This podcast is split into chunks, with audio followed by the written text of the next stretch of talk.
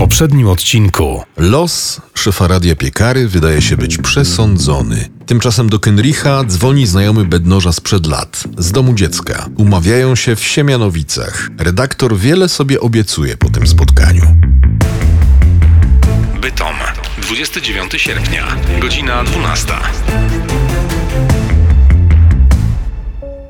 drugiej stronie biurka, na którym piętrzyły się wypełnione dokumentami teczki, siedział elegancko ubrany mężczyzna. Został wezwany na przesłuchanie, ponieważ z Pawłem Bednożem chodzili do tej samej klasy w liceum. Teraz, gdy o tym myślę, to wydaje mi się, że był przeźroczysty. Typowy nikt. Człowiek bez właściwości. Nie imprezował, trzymał się z boku. Wiedzieliśmy, że jest z domu dziecka i tym to wtedy tłumaczyliśmy. Obaj byli absolwentami biolchemu. Przesłuchiwany mężczyzna został lekarzem, cenionym na Śląsku ginekologiem. Bednoż też planował studiować medycynę, jednak tuż po maturze gdzieś zniknął. Na koniec lekarz zamyślił się, jakby coś sobie jeszcze przypomniał. Proszę mówić, tak, proszę mówić. Zachęcał policjant.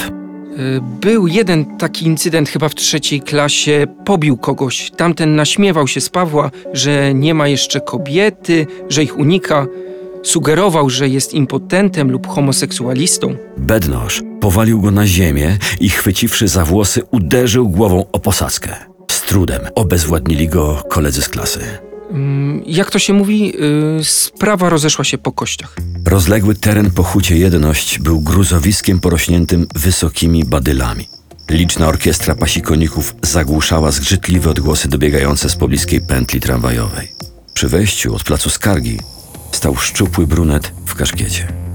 Kilka minut wstępnej rozmowy pozwoliło Kenrichowi zorientować się, że ma do czynienia z człowiekiem wykształconym. Jak się okazało, był rówieśnikiem Pawła Bednoża i dzielił z nim pokój w domu dziecka. Byliśmy pobudzonymi testosteronem nastolatkami. Rządził ten, kto był silniejszy.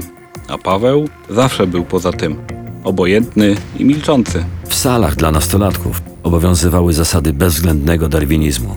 Silniejsi wykorzystywali słabszych na wszelkie możliwe sposoby.